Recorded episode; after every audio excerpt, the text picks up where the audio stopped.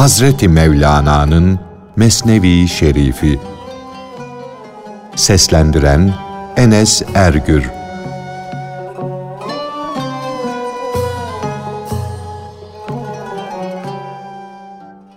Ruhlar kervan halinde alışveriş için her gün göklerden yeryüzüne gelmedeler.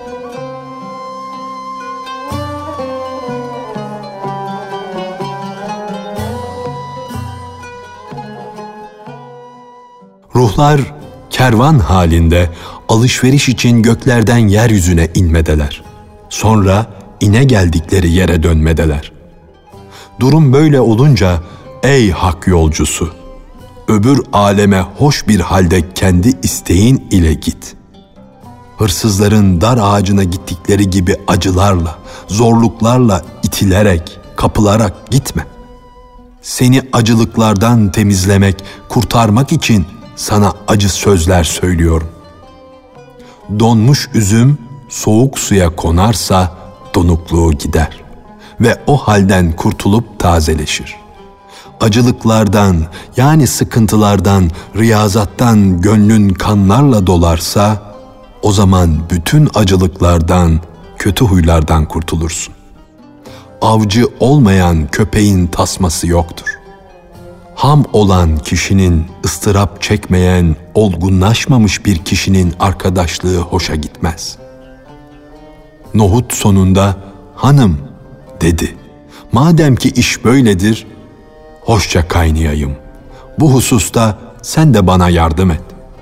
Sen bu kaynayışta benim miracım gibisin. Bana kepçeyi vur. Ne de güzel vuruyorsun. Yani ey mürşidim, ben değersiz müridini iyi terbiye ediyorsun. Ben tam manasıyla sana teslim oldum.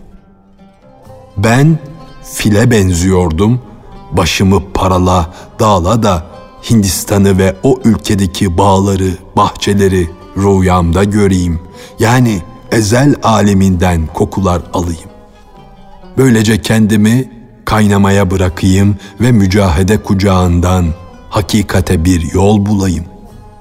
Çünkü insan zenginleştikçe azar. Rüya görmüş fil gibi azar kudurur. Fil rüyasında Hindistan'ı görünce azar, filciyi dinlemez, azgınlık eder. Yani insan belalardan kurtulup da rahata kavuşunca hakkı unutur, asi olur. Ev hanımı Nohut'a dedi ki, ben de bundan önce senin gibi yeryüzünün cüzlerinden yani parça buçuklarından idim. Ateş gibi yakıcı olan nefisle savaşa giriştim.'' nefsani duyguları yenmenin zevkini tadınca makbul bir insan oldum, tatlılaştım. Bir müddet yeryüzünde coştum, kaynadım. Bir zaman da beden tenceresine girdim, orada piştim, köpürdüm, taştım. Yani minerallerden, bitkilerden ve çeşitli hayvani gıdalardan yararlanarak çeşitli hallerden geçtikten sonra insana geldim. Bu iki kaynayış yüzünden duyguların gücü, kuvveti oldum. Anamın rahminde dört aylık iken bana ruh üflendi, böylece canlandım. Şimdi de seni terbiye ediyorum. Sen cansızlar aleminde iken sana hal dili ile derdim ki, o mertebeden koş, yüksel ki insanlık mertebesine gelesin.'' manaya mensup sıfatlar elde edesin. Sen cansızlıktan kurtulup canlı olunca bir kere de kayna dedim. Hayvanlıktan da geç. O dereceden, mertebeden yüksel. Bu nükteleri, bu gizli işaretleri yanlış anlayarak ayağının kaymamasını, sapıklığa düşmemeni Allah'tan iste. Çünkü Kur'an'dan bile bazı kişiler yol şaşırdılar. O ip yani kurtarıcı olan Kur'an yüzünden hükümlerine uymadıkları için kuyuya düştüler. Ey imana gelmeyen inatçı kişi! Sende yukarılara yükselmek arzusu olmayınca Allah'ın kurtarıcı, sağlam ipi olan Kur'an'ın haşa cürmü yoktur.''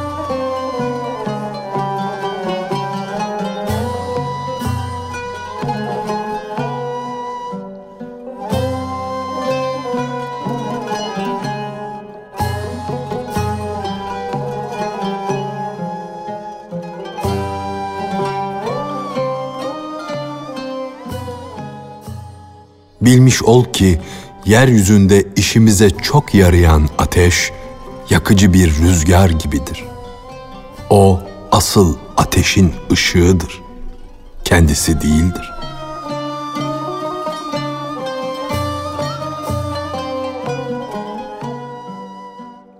Hayvani ruh gıda ile kuvvetlenir, güçlenir.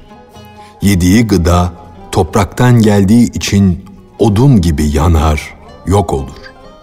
Yani gıda yenilir, yok olur gider. Fakat beden ve hayvani ruh yenilen gıdanın yanışından kuvvet alır, güç alır. Eğer odunlar yakılıp ateş olmasalardı, ağaç olarak bırakılsalardı meyve verirdi. Sonuna kadar da gelişir kalırdı. Her şeyi geliştirir, güzelleştirirdi. Bilmiş ol ki bu ateş yakıcı bir rüzgar gibidir. O asıl ateşin ışığıdır, kendisi değil. Ateşin kendisi ve aslı havadan da üstündür. O esirdedir. Yani yeryüzünde görülen ateş, gökyüzünde de ötelerde bulunan ateş küresinin gölgesi ışığıdır.'' Bu yüzdendir ki yeryüzündeki ateşler, ışıklar olduğu gibi durmazlar. Hep oynarlar, titrerler. Aslına gitmek için çırpınır dururlar. Sonunda tezce yukarılara yükselirler, madenlerine giderler. Asıllarına kavuşurlar. Ey insan! Senin boyun hep olduğu gibidir ama Gölgen bazen kısalır, bazen uzar. Işığın bir yerde durduğunu, kaldığını kimse görmemiştir. Kaynaktan gelen ışınlar, akisler ve vuruşlar düştükleri yerde kalmazlar. Çabucak dönerler, analarına giderler. Ya Mevlana, dilini tut. Fitne ağzını açtı. Yanlış anlaşılan sözlerden sakın.'' Her şeyin doğrusunu Allah daha iyi bilir.''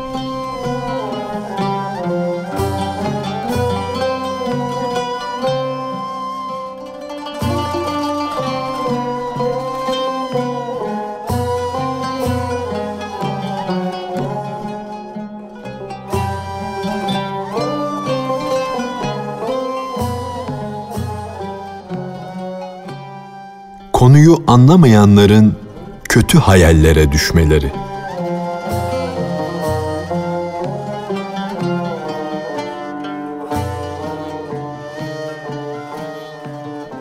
Bu konu sona ermeden önce hasetçilerden bir kötü kokulu duman geldi. Yani bu konulara akıl erdiremeyenlerden yersiz bir itiraz, bir kınama ortaya atıldı.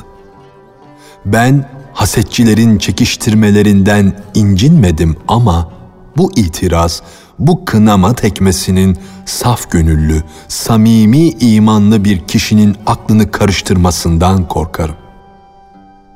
Gazneli Hakim Senayi Hazretleri manaya ait örneklerden bir şey anlamayanları, perde arkasında kalanları anlatmak için güzel bir örnek vermiştir sapıklık yolunda olanlar Kur'an'da sözden başka bir şey göremezlerse onların bu sapıklığına şaşılmaz.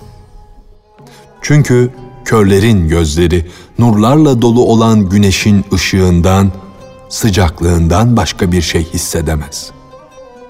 Abdalın biri ansızın eşek ahırından başını çıkardı da her şeyi kınayan ihtiyar bir kadın gibi dedi ki, bu söz yani mesnevi değersiz bir eserdir.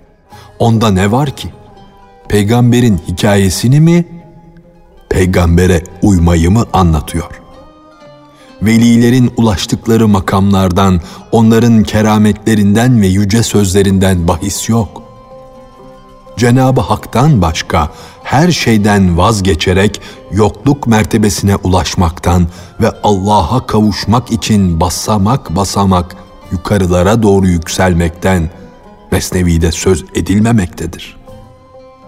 Her makamın, her mertebenin ve her menzilin anlatılış hududu da yok ki bir gönül sahibi onunla kanatlansın da ötelere uçsun gitsin.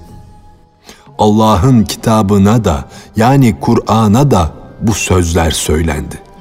Kafirler onu da böyle kınadılar.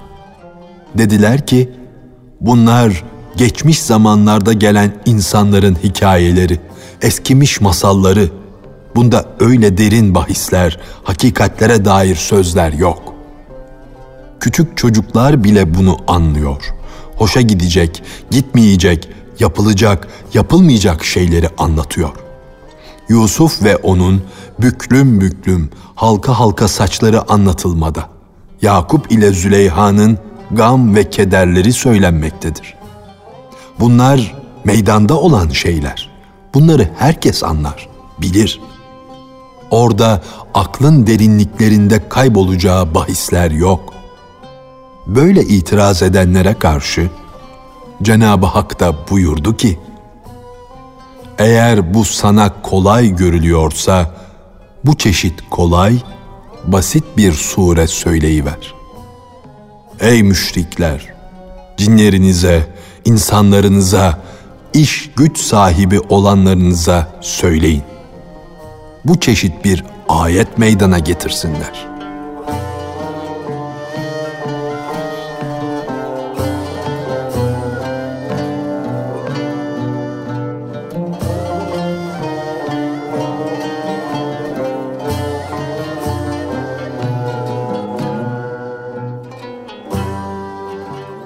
Hazreti Peygamber Efendimizin Kur'an'ın zahiri manası var, batıni manası var. Batının da yedinci batına kadar batini manası var. Hadisinin açıklanması.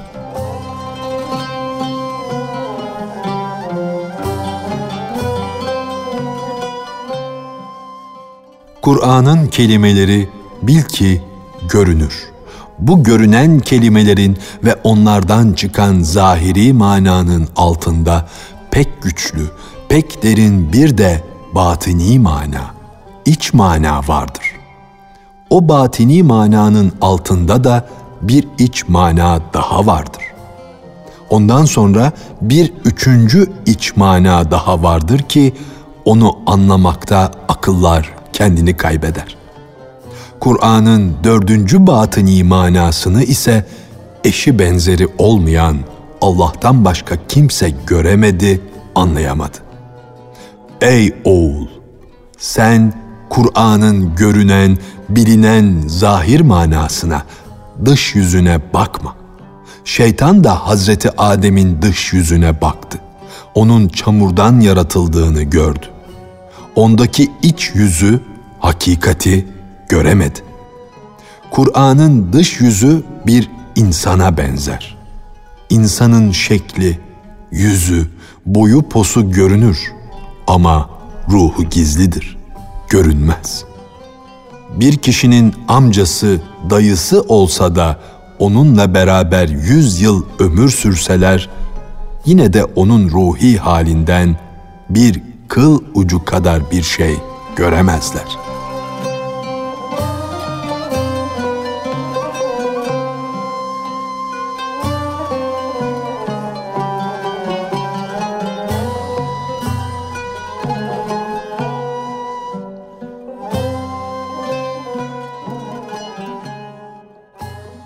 Peygamberlerin ve velilerin dağlara çıkıp mağaralarda oturmaları, kendilerini gizlemek için yahut halkın akıllarına çeşitli şeyler geleceğinden korktuklarından değildir.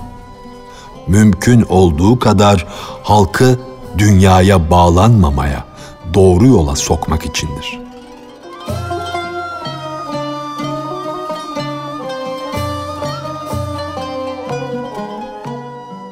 Veliler halkın gözünden gizlenmek için dağlarda otururlar diye söylerler. Halbuki onlar halkın gözlerinin önündeyken de yüzlerce dağın tepesine çıkmışlardır. Adımlarını yedinci kat göğün üstüne bile atmışlardır. Onlar halka nazaran yüzlerce denizden, yüzlerce dağdan ötede iken neden dağlara gider de gizlenirler? Bir velinin gizlenmek için dağa kaçmasına ihtiyacı yoktur. Çünkü bir velinin izinde bir tay gibi koşan gökyüzü yüzlerce nal düşürür de yine ona yetişemez. Gökyüzü döndü, döndü de o canın izinin tozunu bile göremedi. Bu yüzden maddi renkli matem elbisesi giydi. Periler gizlidir. Ortada görünmezler. Fakat insan manası yüzünden perilerden de daha gizlidir. Akıllı kişiye göre insan gizli olan perilerden yüz kat daha gizlidir. Akıllıya nazaran insan bu kadar gizli olursa gizlilik aleminde bulunan ve içi masivadan arınmış olan kamil insanın ne kadar gizli olacağını sen düşün.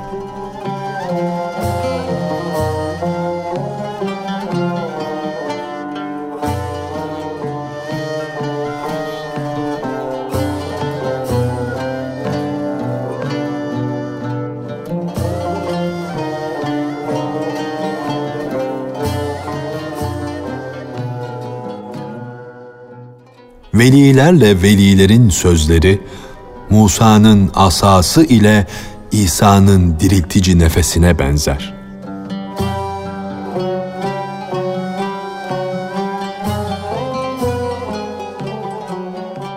İnsan Musa'nın asasına ve İsa'nın diriltici nefesine benzer.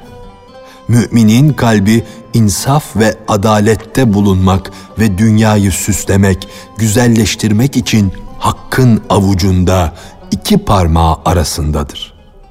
Yani Allah'ın celal ve cemal sıfatları arasındadır.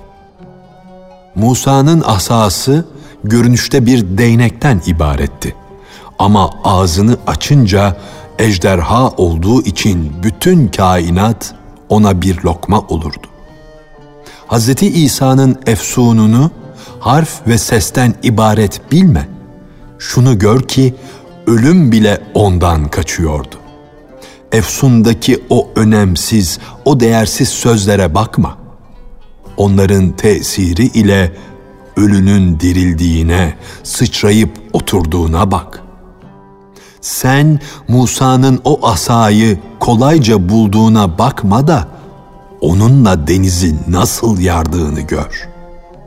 Sen uzaktan kara bir otağı görüyorsun.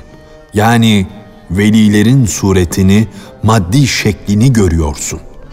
Bir adım daha at da o otağdaki orduyu, yani velilerin sıfatlarını, manevi kudretlerini gör. Sen uzakta bulunduğun için toz bulutundan yani insanın maddi varlığından başka bir şey görmüyorsun.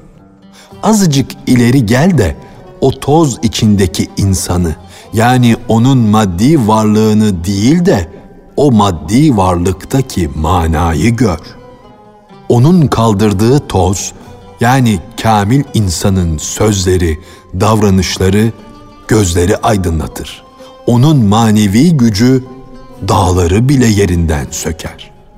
Hz. Musa çölün ta ortasından belirip gelince Tur Dağı onun gelişi yüzünden oynamaya başladı.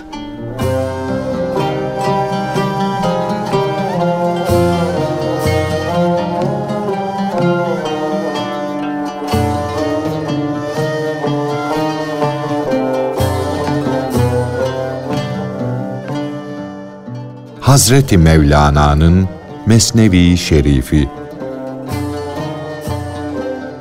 Seslendiren Enes Ergür